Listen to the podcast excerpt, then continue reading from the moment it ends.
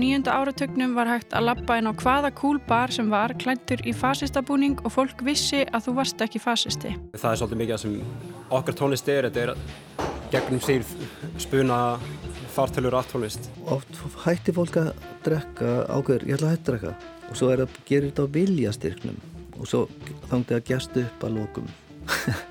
Já, oft. Bananaskólinn, vinnlaus lífstíl og gegnumsýrður fartölvuspunni. Ég heiti Lóabjörg Björnstóttir.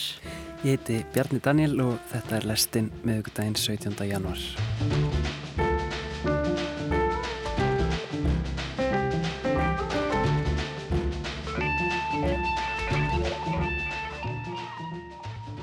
Bjarni Daniel, þú kvarfst út úr húsinu rétt að þér hátegi í dag.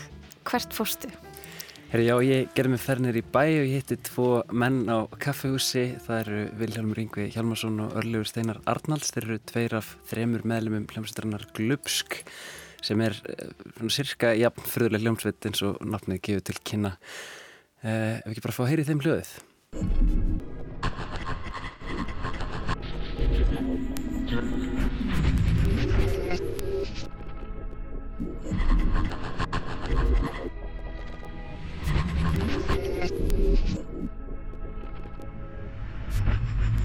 Já, ég heiti Vilhjálmur Yngvi Hjálmarsson.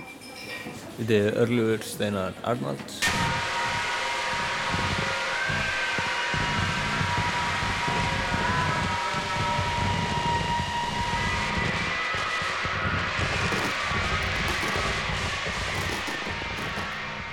Þannig að Glöpsk var eiginlega stofnað, hljóðstíð var eiginlega stofnuð þegar ég var að fara uh, út í skiptinám til Belgíu og hérna Guðmundur Arnald sem er sem sagt þriði meðlumurinn í hljómsveitinni hann heyrði í mig og því við hefðum verið að gera tónlist á hann og spurði mig eitthvað svona ef við ekki gera eitthvað, eitthvað spuna og gefa út bara eitthvað plötu árun og ferð?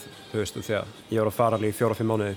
Uh, þannig að við bara gerðum það og hittumst vorum bara að undirbúa eitthvað svona vorum bara að spila fartöluðnur eitthvað uh, eitthvað svona raf tónlistu spuna og gáðum það bara út og vorum ekkert mikið að pæli því og gáðum, gáðum í þetta nafn Glupsk og það var svona, þú veist, upptekinn og síðan heyrðum við í ölla og því okkur fannst að bara uh, hann vera fullkominn, þú veist, að joina þetta og þá eiginlega, þú veist, ég myndi segja að hljómsveitin byrjaði þegar öllu kominn, þú veist, þá, þá var þetta Glupsk. Ef við vorum líka bókaðir? Já, vorum bókaðir á Ráflost. Nei, nei, nei, á einhver mengi viðbúr. Já, já.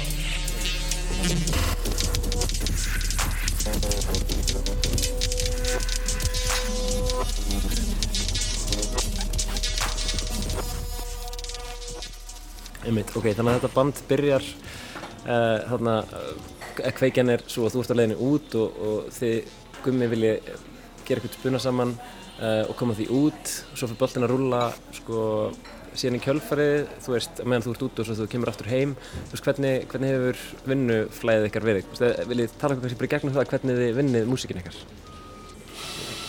Mér finnst það að segja oft svona ákveðin þemu og eins og til dæmis þegar kannski við erum að fara að spila tónleika þá erum við oft með eitthvað svona þemu sem getur verið bara við erum allir gett mikið að hlusta á græmtónlist eða við erum allir mjög hrifnir af einhverjum svona þessum sérstaklega hljóðheim eða um, þannig að við svona söfnum saman einhverjum kannski innblæstri og pælingum og vinnum svolítið út frá því. En í hvert skipti sem við spilum þá reynum við alltaf að spila bara glænýtt sett þannig að þú veist uh, við spilum aldrei sama sett í hvert skipti sem við spilum þá eru við, þá eru við bara að hérna gera alltaf eitthvað svona algjörlega nýtt. Þannig að það er kannski smá spuna element inn í, inn í þessu ennþá. Já, algjörlega, það er svona mjög mikið hvernig við göngum út frá þessu. Þótt að við höfum alveg tekið gegn það sem við æfum og eitthvað en, en þetta er samt alltaf spuni. Bara mismikill en oftast frekar mikill spuni og síðan stundum líka bara erum við bara, erum við bara að semja tónlist uh, inn á gæsalappa mér finnst það alltaf pínu fyndið að fyrir að semja tónlist í þessu verkefni. En þá erum við eins og með hérna, nýjustu plötun okkar Beyond Happy uh, sem við unnum í samstarfi með Sigtryggi Berg uh, að þá hérna, voru bara við með hugmynd að heyri í honum uh, og Sigtryggur Berger sem sagt hérna, fyrir þau sem vita það ekki hann er uh, myndlistamæður og tónlistamæður og hérna býr í Þýskalandi og hefur sjálfur gert mikið af hérna uh, ráftónlist og uh, alls, konar, alls konar tónlist. En er, er líka myndlistamæður og gerir mikið af gjörningum líka og þannig að hann gerir svolítið alls konar en hérna við heyrðum sérstaklega í honum og sendum honum ég man ekki hvað mikið efni kannski meirinn tveir tímar af bara svona svolítið hráum upptökum uh, frá okkur. Og sögum bara hérna væri til ég að breyta þessu í plötu? Uh, bara gera plötu úr þessu efni og var bara með fullkomið frelsi, hérna, skapandi frelsi hvernig hann vann efnið okkar. Þannig að við svolítið bara gáum hann um efnið og svo hérna, uh, höfðum við ekkert með að segja lengur. Já, það var svolítið, það var hvernig þessi platta Beyond Happy kom út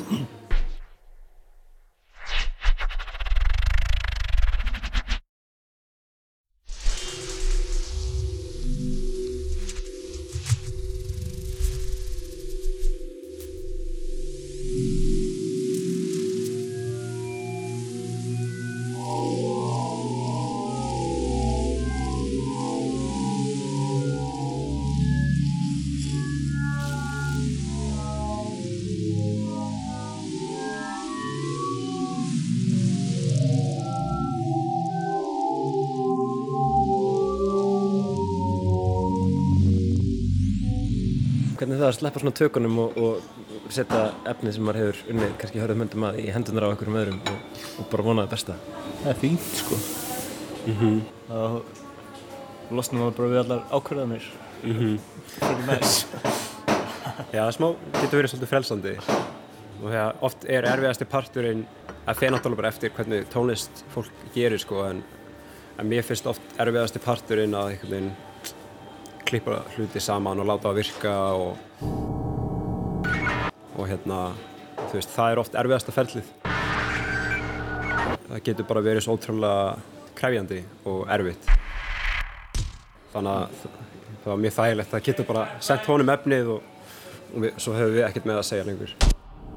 Ég myndi mér einhvern veginn eh, þegar maður er búinn að vera að vinna með eitthvað efni og, og uh, setur það svo á staði eitthvað svona ferli eitthvað annar vinnur úr því, þú veist það vendalega margt sem breytist. Hvernig er einhvern veginn útkoman meðan við það sem þið voru með í höndunum til að byrja með? Er margt breytt? Já, einmitt. Þetta er allavega að plata sem ég hefði aldrei gert sko. Nei, einmitt. Ákvarðanir sem ég hefði aldrei byrjað að detti í huga að taka sko. Nákvæmlega, já. Sem er gott. Já, sem er gott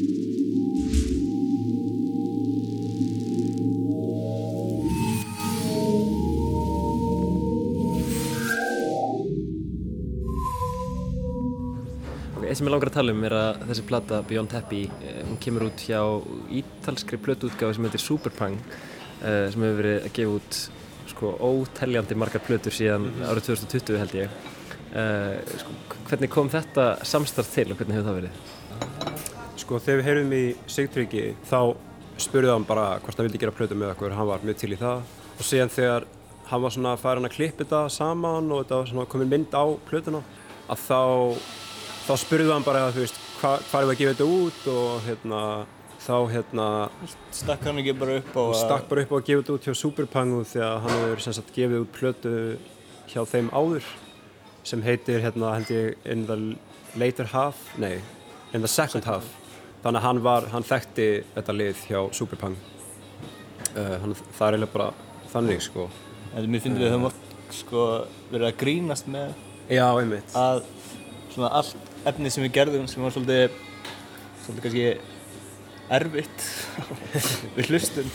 Erfið tónlist. Já, þá uh, grínuðust alltaf með að að við getum allavega að senda þetta á Superpang og þau getur kannski gefið þetta út sko. Einmitt. Það var svolítið gott að, að fá að gefa hjá þeim. Já, einmitt. Það er algjör heiður sko. Við höfum alveg verið að fylgjast með þeim frekar lengi. Já, einmitt. Og útgáfan Superpang er, já, líka bara stút full af bara bara gegnum sýrðri fyrðurlegri uh, raftónist þannig að þetta var smá fullkomið að gefa hjá þeim. Og því að það er svolítið mikið það sem okkar tónlist er þetta er gegnum sýrð spuna fartölur raftónist uh, þannig að það á mjög vel við einhvern veginn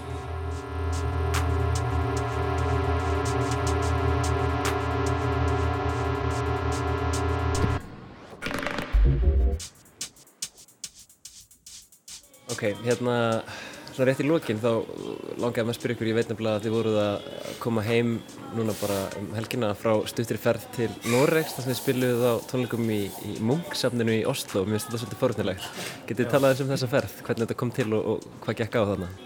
Það var sagt einn á skipulegjum hátíðana, hún heyrði tónlistun okkar Já, og hún var að, Bóka að bóka, á þeim tímapunkti var hún ennþá að bóka bönd og þess- þessi tónlistaráttíð heitir All Ears og þetta er uh, sem sagt spuna tónlistaráttíð búin að vera í gangi í alveg 20 ár minnum mig um, álega Já.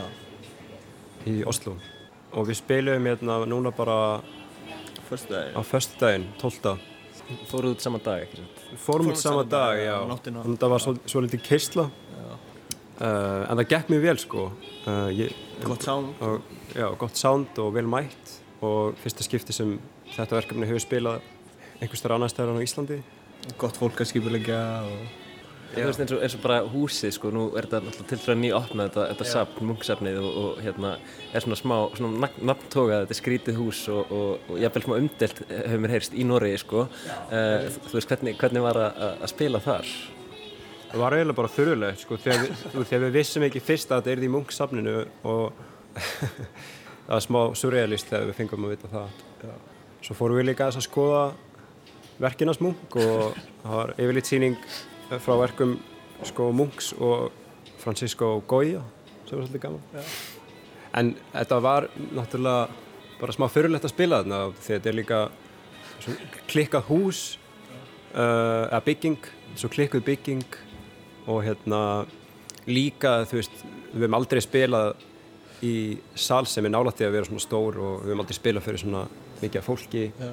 þú veist, það var kannski alls konar svona lið að spila þarna sem hafa æft á einhver hljóðfæri í 15 ár og eru bara, þú veist, vinsali í, í jazzsenunni eða eitthvað og, og Já, þannig við vorum líka róstaðir. Já, þegar, sem var svolítið fyndið og því okkur leið líka svolítið svona eins og svörtum sögði hérna, einhvern veginn smá. Og því að það var svo mikið af einhverju svona flottu jazzliði og eitthvað svona, þú veist, fólki sem er mjög virt í tónlistarheiminum og en það var sérstænt einhver uh, Einhver einn aðal jazzarinn í, í, í, í Noregi, sko. Skrifaði gaggrinni skrifaði gaggríni um hátíðina og hann tók fyrir hverja tónleika fyrir sig og hérna Og virtist ekki vera ánæðið með mikið, sko. Nei, fyrir, sko. nei, hann var mjög harð orðaður, orðaður. Og hann kom líka alveg með góða punkta, sko. Hann kom með góða punkta, sko. En hann eiginlega tók okkur svolítið í bakari, sko. Hann, hann sagði hérna, Svo er sviðið rýmt fyrir þrjá Íslendinga frá Reykjavík. Glúpsk nefnist þetta þríegi. Drengirnir þrýr tilla sér á sviðinu, hlið við hlið, hver með sína fartölvuna á borðið fyrir framann sig. Því næst er áheyrundum kastað út í abstrakt hljóðheima sem eru bæði kristaltærir og skemmtilegir, að minnstakosti um stund. Engin af þeim hugmyndum sem dúka upp fær þó nægilega mikið plást til að þróast áfram. Og innan um ákafan sitt ég og býð þess að eitthvað veki áhuga minn en ég gripa mestu í tómt. Þetta samansat hljóða verður aldrei að spennandi tónlist. Öðru kóru dúkar eitthvað áhugavert upp í allri einsleitninni en það varir aldrei lengi. Framvindan er linnulaus. þetta er eiginlega bara frábært, sko. Mér hafði einhvern veginn pínu æðislegt að allavega, þú veist, fá uh, gaggríni. Og hérna, hann var ekkert sérlega ánægð með okkur en ég hef sett bara pínu gaman að því, sko. En það er alveg punktar þarna sem að ég tók alveg til mín og, og hérna, við getum lært af, sko. En svo var aðri punktar þarna sem voru eiginlega bara sprengklægilegir.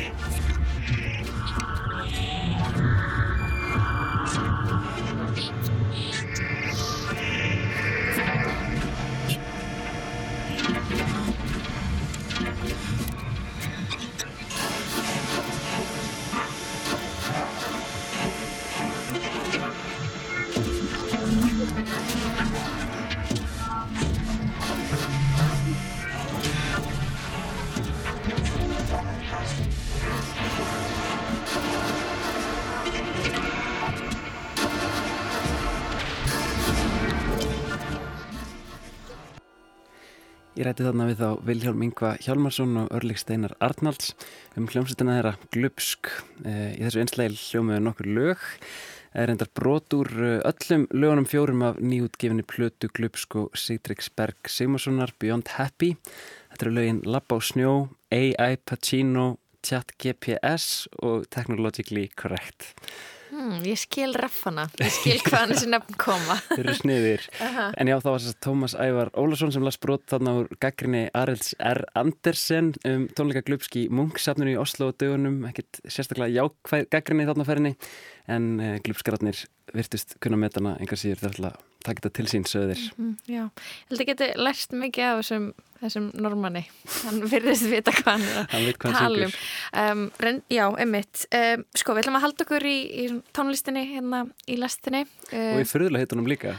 Jú, emitt. Þetta verður svona svipið um slóðum. Um, það er hún Katrín Helga Ólastóttir, Kóla. Í senstu viku þá flutti hún pistil um, um Gutti Pál, hann að dansk færiska listamannin og það vakti miklu lukku. Margir eruðu mjög forveitnir um þennan einstaka mann og í dag ætlar hann að halda áfram að segja okkur frá æfintýrum Gutti Pál. Fyrir um viku talaði ég um færisk danska listamannin Gutti Pál. Hann verður 50 ára á þessu ári og í dag ætla ég að fjalla um fleiri af hans þekktustu verkefnum, til dæmis Bananskólinn. En viðbröðin sem ég fjekk eftir síðasta einslag voru mjög skemmtileg. Nokkrir sögðu sína sögu af Guti Pall. Hann er kannski svokallar Íslandsvinnur. Til dæmis sagði Bergrún Snæbjörnsdóttir tónskáld. Guti Pall bankaði óvænt upp á hjá mér einn sömardag með viðverun til mín að fara ekki í meistaranám í árósum. Ég bauð honum í kaffi og gaf honum færi á að útskýra. Ég talaði um Guttipal fyrir viku bæði út frá eigin reynslu en líka heimildarmynd sem ég horfi á sem heitir The Guttipal Equation. Hanna má finna á YouTube og ég mæli með. Í myndinni fáum við svarið við hver The Guttipal Equation eða Guttipal jafnan er. Og hún er svo að því lengur sem skilabóð ferðast í tíma og rúmi því meira virði verða skilabóðin sjálf. Það er erfitt að afsana þessa jöfnu. Í myndinni notar Guttipal hanna í samengi við ferðalögin sem hann hefur verið á. Hann hefur verið á hjóli og farið víða. Það er einn umhverju svensti farkosturinn, það hefur tekið hann lengri tíma að komast á staði en þegar hann kemur er það meira virði heldur en ef hann hefði farið léttari og stittri leðina sem er líka þingri fyrir umhverfið með bíl eða flugvél. En annað sem vakti áhuga minn er að eftir að heimildamyndin kom út gerði leikstjóri myndarinnar um Goodipal-jöfnuna eftirmála sem einni er á YouTube og ber heitið The Goodipal Equation Epilogue. Þar talar Goodipal um distortion sem ég ætla að þýða hér sem bjögun í samengi við málverk sem hann kefti í New York. Til að útskýra bjögun þá ætlum ég að spila hljóðdæmi af hvað gerist þegar að bjögunar effekt er settur á gítar.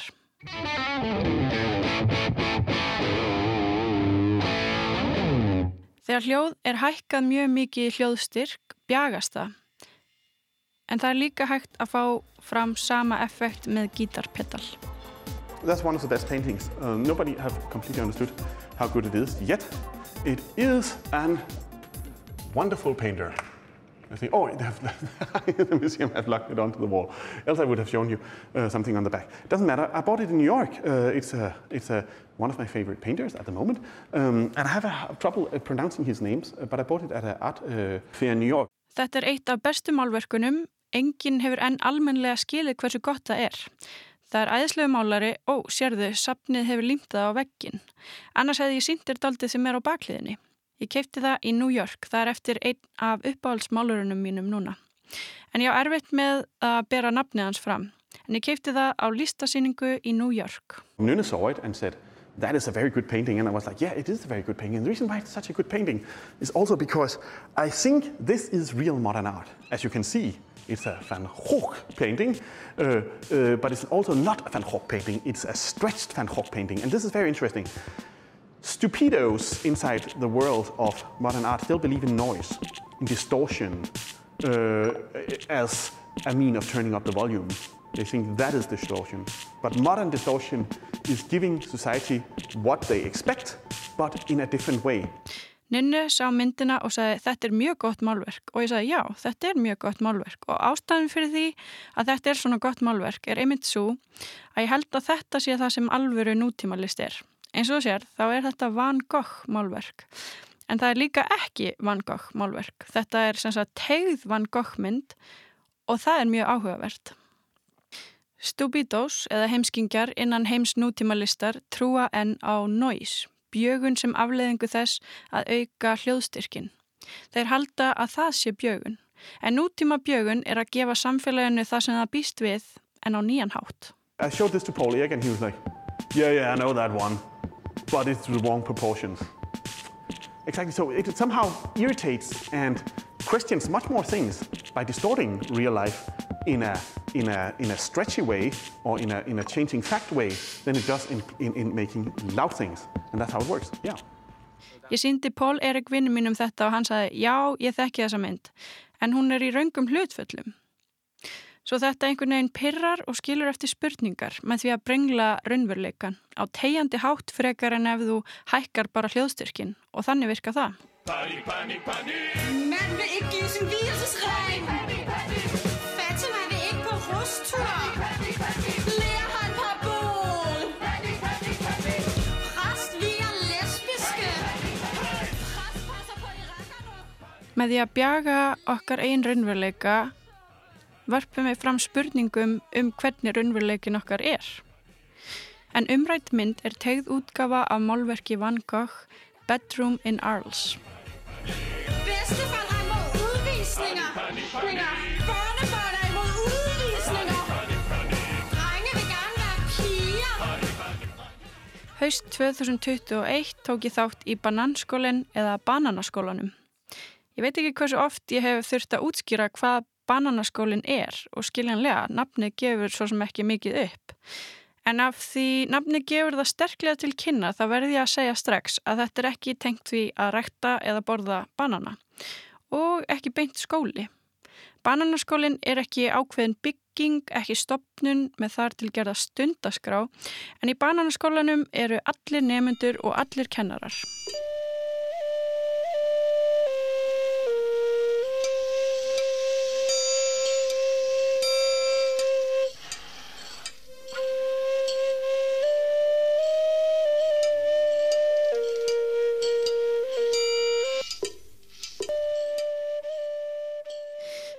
Ég fór til dæmis á fyrirlæstur um brúður í sögulegu samhengi, fyrirlæstur um solvognen sem var danst aktivist göduleikús á sjönda áratögnum og horfði á heimildarmynd um siðfræðas að eiga börn á tímum nattræðnar hlínunar. Ég fór á tónleika, horfði á uppsetningu af helgileik á páskum þar sem flóttafólk var partur af leikofnum. Ég var sjálf með bókbandsnámskeið og tók þátt í að flytja tónverk á hljóðfæri sem ég hafði aldrei spilað á áður og margt fleira.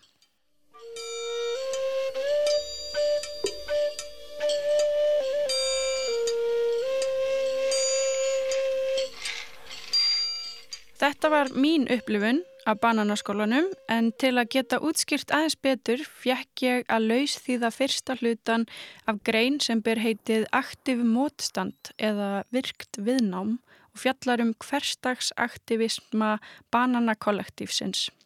Greinin er eftir Lóru Katríne Skinnebæk og Nönnu Frís sem eru báðar þáttaköndur í bananaskólanum. Þar er talað um hóp fólk sem stendur fyrir listtengdum viðbyrðum, helst fyrir að nefna GP og PLS, eða Goodipal and Pals, Bananaskólan og Aktivistkór. Palace.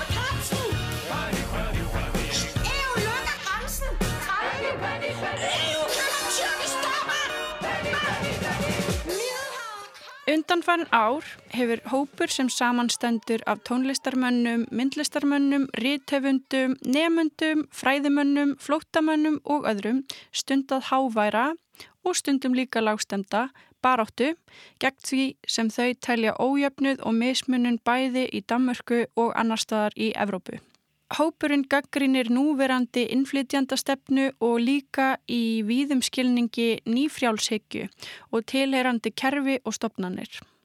Undir nöfnum eins og GP og PLS, Bananaskólinn og Aktivistkór hefur hópurinn skipulagt tónleika, uppákomur, gjörninga, hljómplötu útgáfur, síningar og fræðslunámskeið og ekki síst hjálpað innflytjandum og flótafólki með hjálpastarfi í formi matarinkaupa, fatagjafa, tómstundahópa fyrir börn, lögfræði aðstóð og margs fleira.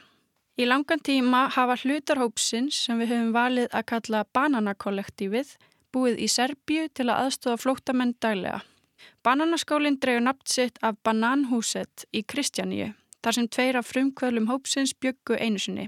Er fyrst og fremst upplýsingarsamfélag þar sem þáttekundur skiptast á að útvega efni um allt frá sögulegum hljóðgerflum, rafsegulmeðförðum, dulsbyggi frá miðöldum, leikús, bókmentir eða skrauðskrift. Allt eftir áhuga og frambóði. Öllum er velkomið að hlusta eða deila nákvæmlega sérhæðri þekkingu sinni og trú á að fólk geti kent sjálfu sér í gegnum samræður og hvert annað til að skapa ný þekkingarsamfélög. Já, þetta er sérsagt bananaskólinn og ég bara vildi óska að það væri bananaskóli sem væri virkur á Íslandi líka. Kanski er bara hægt að koma því í kring eitthvað neina.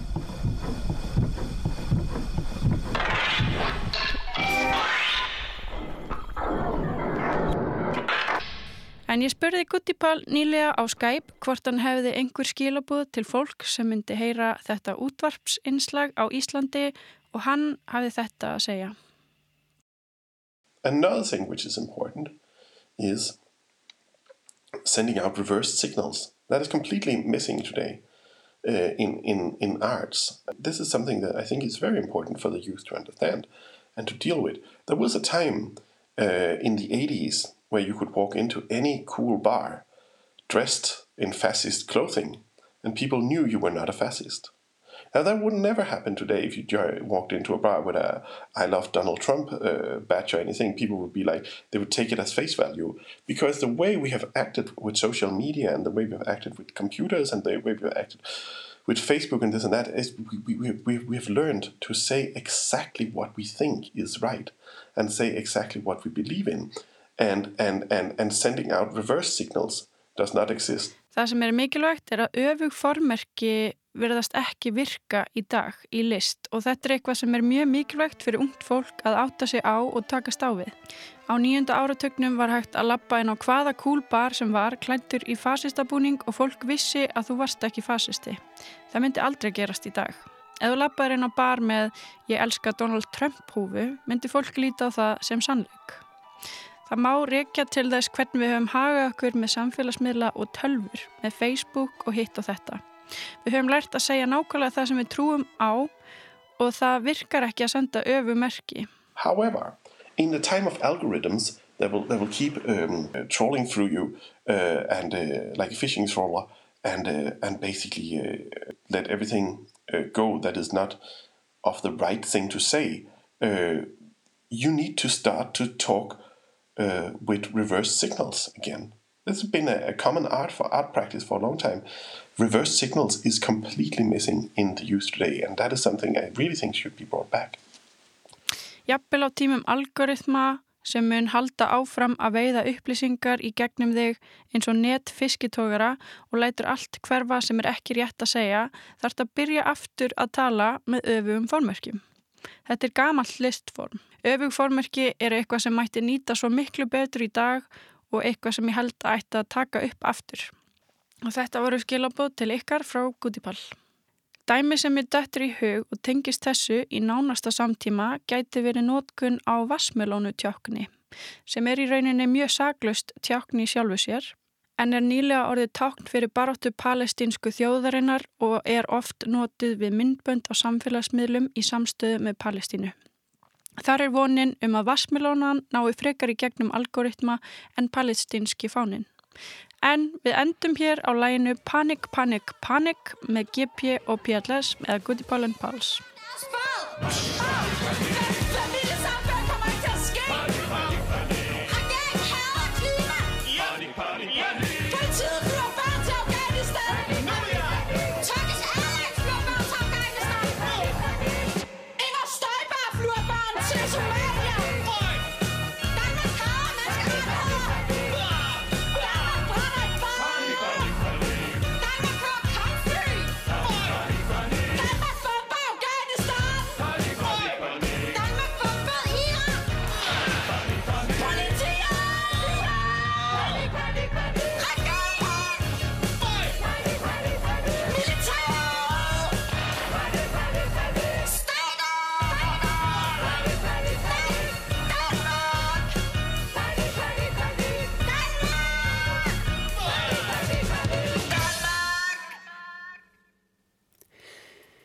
Panic, Panic, Panic heitir þetta lag. Goody Pal and Pals eiga það og uh, það var Katrín Helga Ólafsdóttir sem saði okkur frá Goody Pal og bananaskólanum og, og hugmyndum Goody Pals um bjögun Mm, um, við ætlum aðeins að, að skipta um stefnu hérna í lestinni. Ég er þetta með bók í hendinni sem er nýjútkomin eins og sérð. Um, þetta er bókin Vending, Vínlegs lífstíl. Það var heimsbyggingurinn og reytöfundurinn Gunnar Hersveit sem að skrifa þessa bók.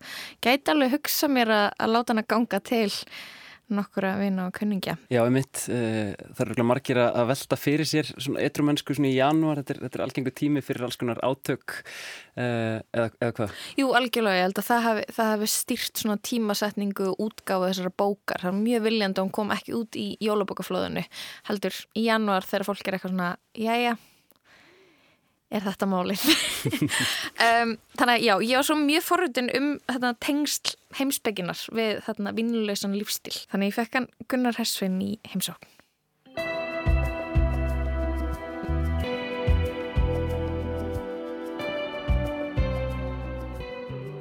Í kvöld þá ætla ég að halda upp á útgáfu bókarinnar sem þú veist að skrifa vending. Já, það er svona það er heimsbyggikaffi uh mhm, -huh. Heimsbyggikaffi og það er svona tilefni á útgáð bókarinnar. Ekki beint útgáð bóð heldur svona hensbyggikaffi um efni bókarinnar. Mm -hmm. vínlaus lífstíl mm. En þarna, fyrsta spurningi minn er kannski þú, hvað hefur heimsbyggi með vínlausan lífstíl að gera? Hvernig tengjast þessi þessi tvö mál? Já, ég sko er náttúrulega hensbyggingur og rítuðendur og fórað spá í vínlausan lífstíl út frá því og þá fer ég og svo við skrifum ekki um siðfræði. Mm -hmm. þannig að það er engin spurning að það tengi svona gildónum, lífsgildónum sem þú setur þér sko og sjálfsaga. Og síðan er það vegna þess að við erum bara ein heild. Það er sko við erum líkami og andi. Og við hugsun líka með líkamannum það hefur áhrif á hugsanir og hvernig, hvernig lífstíl þú yfkar. Þannig að sko víni trublar heilan, það er engin spurning og hugsanir. Eða það dregur úr þeim, það dopnar yfir þér eða þannig að þú nærði ekki svona flýi, sérstaklega fyrir að drekka of oft og mikið. Núna eh, undanfarið búið að skrifa mikið um greinar sko um samband líkama og anda þannig að þar er engin spurning að þetta efni hefur áhrif á hugsanir og þar leðandi hinsbygglega hugsun. Það er annars eða það og hins vegar að svona e, gildin í siðfræði þau koma mjög við sögu ef þú ætlar að breytum lífstíl eða sína sjálfsaga og þú ert að spá í hvaða gildi ætti að velja mér. Það geti verið næjusemi, ætla ég að tilengja mér hana e, eða ætla ég að tilengja mér sko einhverja svona harðfylgni ég þarf sko einhvern kraft til að geta gert hlutina mm, og, aga. og aga, já, mm. sjálfsaga mm. svona sko að því ef fólk er að drekka til dæmis á kvöldin þá þá tröflar það svefnin til dæmis og heilin er ekki eins góðu formi daginn eftir ef maður, maður er rítöfundur alltaf að skrifa á mótnana þannig að það var, ég bara uppgöttaði að það var algjörlega hægt að finna tengingar hann á milli og það er það sem ég geri í, í bókinni. Það er að nota bara heimsbyggina síðfræðina og, og flera til að hvetja fólk til að ebla sína styrkleika. Það tengis náttúrulega líka sálfræði svona jákvæðri sálfræði mm. hagnýtri heimsbyggi og ebla styrkleika sína og dempa veikleikina veikleika.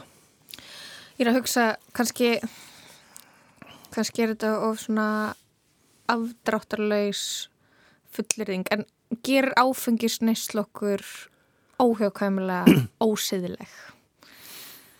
Mm, nei eh, það er ekkit óhjákvæmulega þannig mm.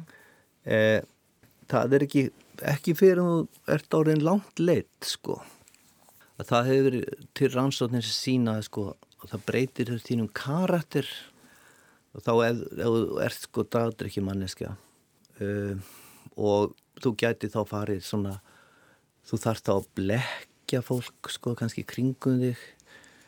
Um, það sé þú þetta sé allt í góði hjá þér og, og mistökinn sé ekki þér að kenna. Já, þannig að það er ekki nema einhverju þannig þáttum sko. Þegar að þú ert orðin svona langt leitt þannig að þú verður sjálfselskari meira svona egoisti og svo framvis mm einmitt sko þarna ég var að hugsa um um svona minnst ég nema og fleiri benda á þetta svona uh, aukna normaliseringu á, á áfengisneislu í samfélaginu. Það, það er svona ymsir svona punktar sem benda til þess. Ég, er svona, ég get nefnt eitt dæmi sem svona fekk mér til þess að hugsa um þetta það var svona þegar COVID þarna þegar leikursum kom aftur eftir COVID og, þarna, og það voru svona flutt frekar reglulega svona frettir af því að, að fólk í áhörundasalunum væri of drukkið til að vera inn á síningunni Aha. og svo, og svo þarna lappurinn í tvö stóru leikhús í, í Reykjavík þá blasir, eða fyrsta sem sér það er bar og þetta Já. er nýtt út af því að sko ég manna þú veist, þegar ég, maður fór í leikhús sem bann með ömmu og afa þá var það bara krist, þá fengi allir sér appelsín eða kristall og, og núna uh, þegar barirni verða svona ábyrjandi þá er reyninu bara svona kvartning til þess að fá sér vín. Þetta er eitt dæmi, annað dæmi er hvað það er orðið svona þetta aukna aðgengi að víni í gegnum þessar netverslanir og það svona virðist vera kannski svona næstu eins og að segja molna undan áfengislaugjöfunni það, það, er, það, það er ekki búið að leifa áfengis sölu áfengis í matvöruverslunum en það er hægt að nálgast áfengi á mörgum öðrum stöðun heldur, heldur um bara í já, þannig að svona ég bara velta fyrir mér þú veist þetta er uh, þetta, þetta er einhvern veginn svona það er einhver strömmkvæði þessi stað. Eru er fólk til í að heyra einhvern tala um áfengislausan lífstíl þegar áfengi er okkur þykir svo sjálfsæður hluta lífinu og já, ég teki eftir þessu líka. Og það er svona þetta normaliserað. Það er engin spurning og ég tók leikur sem fór að kvarta yfir gestanum sínum. En, þegar, en ef maður fór hann að heima síðunar hjá þeim þá var alltaf svona fyrsta pantað á barnum áður hún kemur. Hafðu vinglösin tilbúin í hlénu þannig að það gáttið svolítið sjálfum sér um kent og þannig að þetta er komið á algjörlega fleiri staði og líka öllum bóðum, vinnustöðum, þar, það er alltaf sko, og jafnvel kláðan þrjú á daginn og þannig að það hefur breyðst út hratt.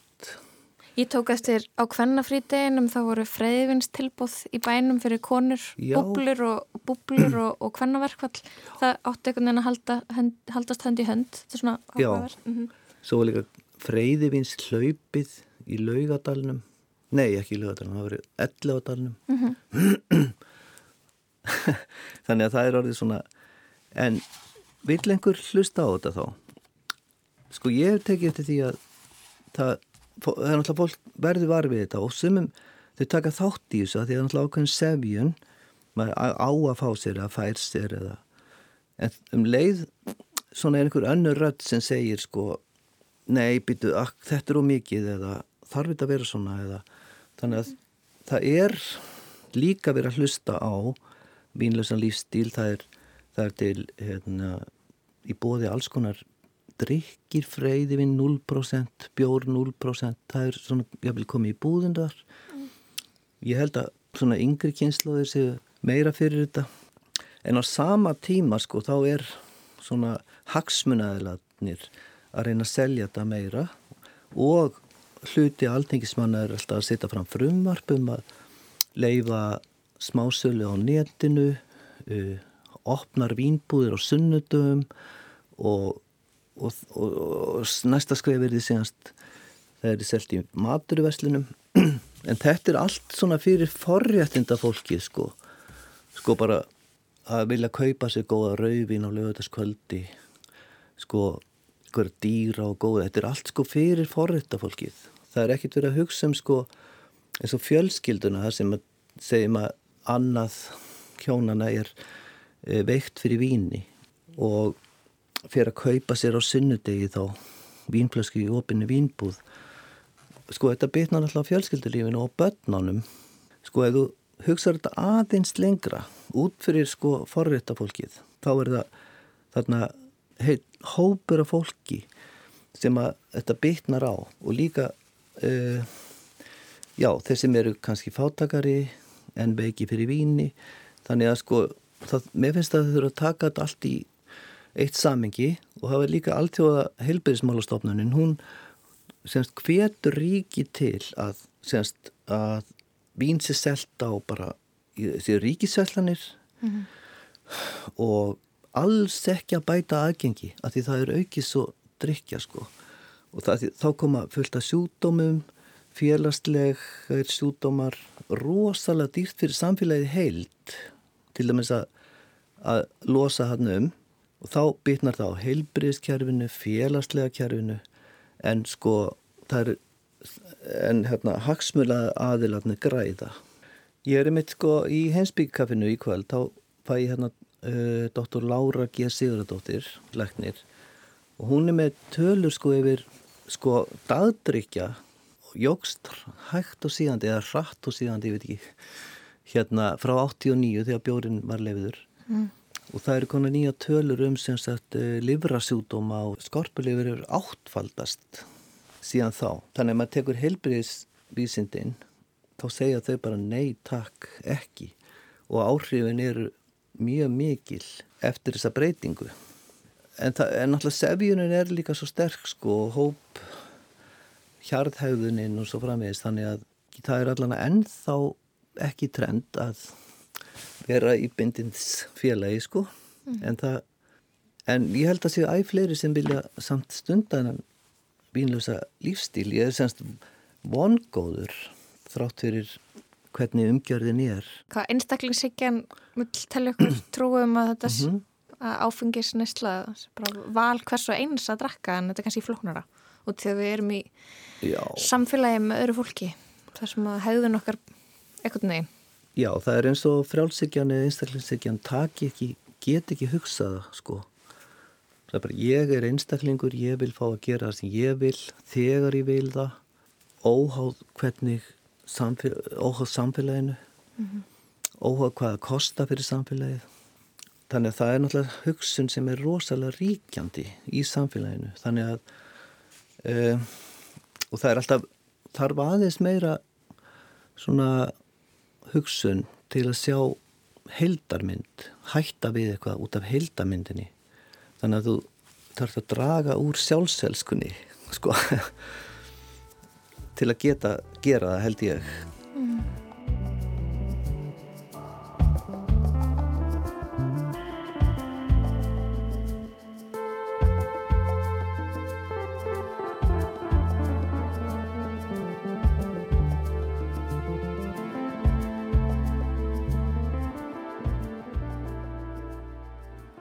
og það er semst ekki mjög mikið eftirlit greinlega með hérna óbeinum auðlýsingum um áfengi. Þannig að við fáum alltaf skilabóðin þar sko. Að sé eðlert að drekka. Maður mann sko eins og öllum breskum þáttum þá er bara alltaf tekið viski eða bara um leið og bara til að í hverju einsta samtali. Og auðvitað hefur þetta stóru aukist hérna þannig að um, en svo fáum við að líka til dæmis segjum bara vinnustafur það er kannski verið að halda upp á eitthvað að þá ef það, ef það semst ákveði að vera með vín alltaf þá breyðist það út og hefur áhrif á alla einstaklingana. Sem eru kannski veiki fyrir fara heim og halda áfram að drekka koma slappir í vinnadagin eftir og svo framvegis það er e, þannig að þetta er, þetta er náttúrulega sterkara í loftinu að drekka og það er minna um þessi skilabóð sko til einhverjur vínlösa lífstíl mm -hmm. en ég held að fólk, það, ég hef full að trú að þessi hópur er aðna kannski ætti fólk að taka sér saman. Kannski er eitthvað erfitt að gera þetta eitthvað þessu úrhópnum það maður getur spurt ertu til ég að gera þetta með mér eða ef að prófa? Mm. það þarf ekki að vera svo alvarlegt sko. Finna munin Einmitt það kannski það sem ég langaði að spyrja út í næst sem er bara, þú veist, að við erum með þarna batteri eins og uh, AA, samtökjun mm -hmm. sem eru kannski öruglega einu einu hópurinn sem er dættur í hugun núna það sem að sem er eitthvað svona skipula í kringum áfengisleisan lífstíl Mhm. um, hvað hva er þetta að segja hér í þessari bók og í þessum pælingum sem er veginn ólíkt AA er þetta fyrir þá sem að AA virkar ekki fyrir eða, eða þú veist Nei, ég er mikla trú á AA og e, það sem er kannski ólíkt er að þar hérna ég er, ekki- ég, er, það er ekki hópar eða þú ert ekki að fara á fundi eða e, og það er ekkit batteri í kringum þetta heldur er þetta svona e, þú verður að gera þetta á einn vegum auðvitað getur gert þetta með vinum. En sko já, það er ekkit svona system eða kerfi þannig að ég er svona ég tala mikið um sko þetta að taka ákverðun, geta tekið ákverðun sko oft hætti fólk að drekka ákverður, ég ætla að hætti að drekka. Og svo er að gera þetta á viljastyrknum. Og svo þangti að gæstu upp að lokum. Eða oft. Þannig ég hugsa sko maður getur bara undibúa ákverðun tekið bara persónlega ákverðun ég ætla ekki að drekka. Og svo getur maður sagt öðru það tilkynnt það. Og þá sko fer einhvern veginn freystingin framhjá þannig að hún fari framhjá manni. Og ég þarf aldrei að velja ætti ég að drekka eða ætti ég ekki að drekka. Heldur bara er ég búin að ákveða það endanlega? Ef ég vil. Og þá finn ég ekki freystinguna sko ég veit ekki, sumir kannski getur þeir sem hafa reykt kannski hafa algjörlega losna við fíknina. Þeir þurfu aldrei að hugsa ætti ég að fá mér að reykja eða eitthvað svona þannig að ég er svona að reyna að fara þá leið. Þannig að freysningi líði framhjá í staðan fyrir að þurfa að taka stáfið eða hver skipti.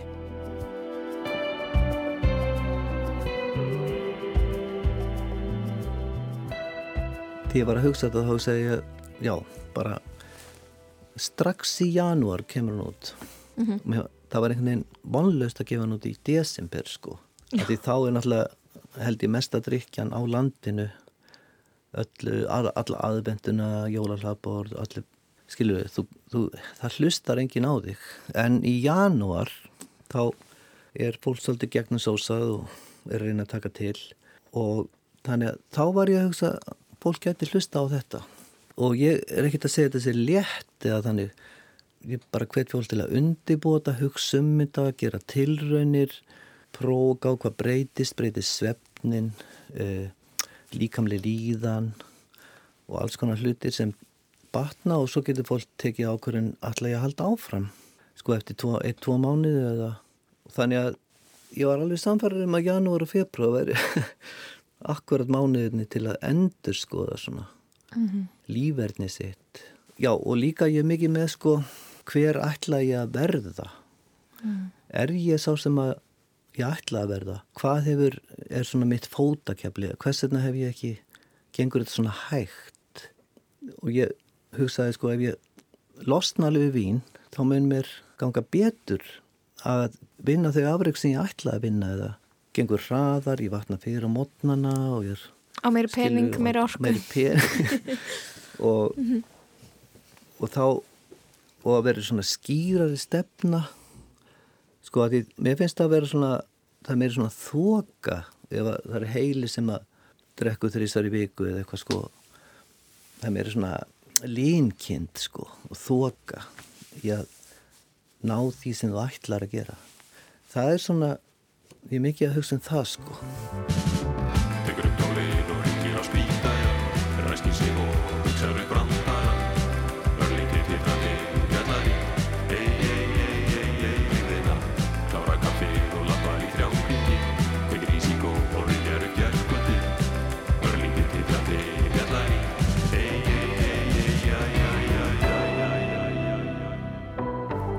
Gunnar Gunstinsson lægið á Spídæjal af plötunni A Janitor's Manifesto. Um, Ég spjallaði þarna við hann Gunnar Hersvein. Um, hann verður í kvöld í Saga Storyhouse í Flatarhaun í Hafnafyrði klukkan 8 á samt Láru G. Sigurðardóttur uh, lækni. Um, þau ætla að spjalla um vínlausan lífstíl en Gunnar Hersvein gaf út bók að dögunum sem heitir Vending vínlaus lífstíl sem er bók fyrir fólk sem vil endurmóta líf sitt velja sér gildi, ebla kosti og dempa ókosti. Um, já, fyrir, fyrir áhuga sama um, já, fyrir fólk sem vil breyta eitthvað um þá, eða skipt um gýr eða eitthvað er próka nýtt í janúar þá er allavega þetta að kíkja þangað. Mjög gaman að spjalla við Gunnar Hersvein Akkurat, uh, en þá ætlum við að láta staðar numið hér í lestinni í dag.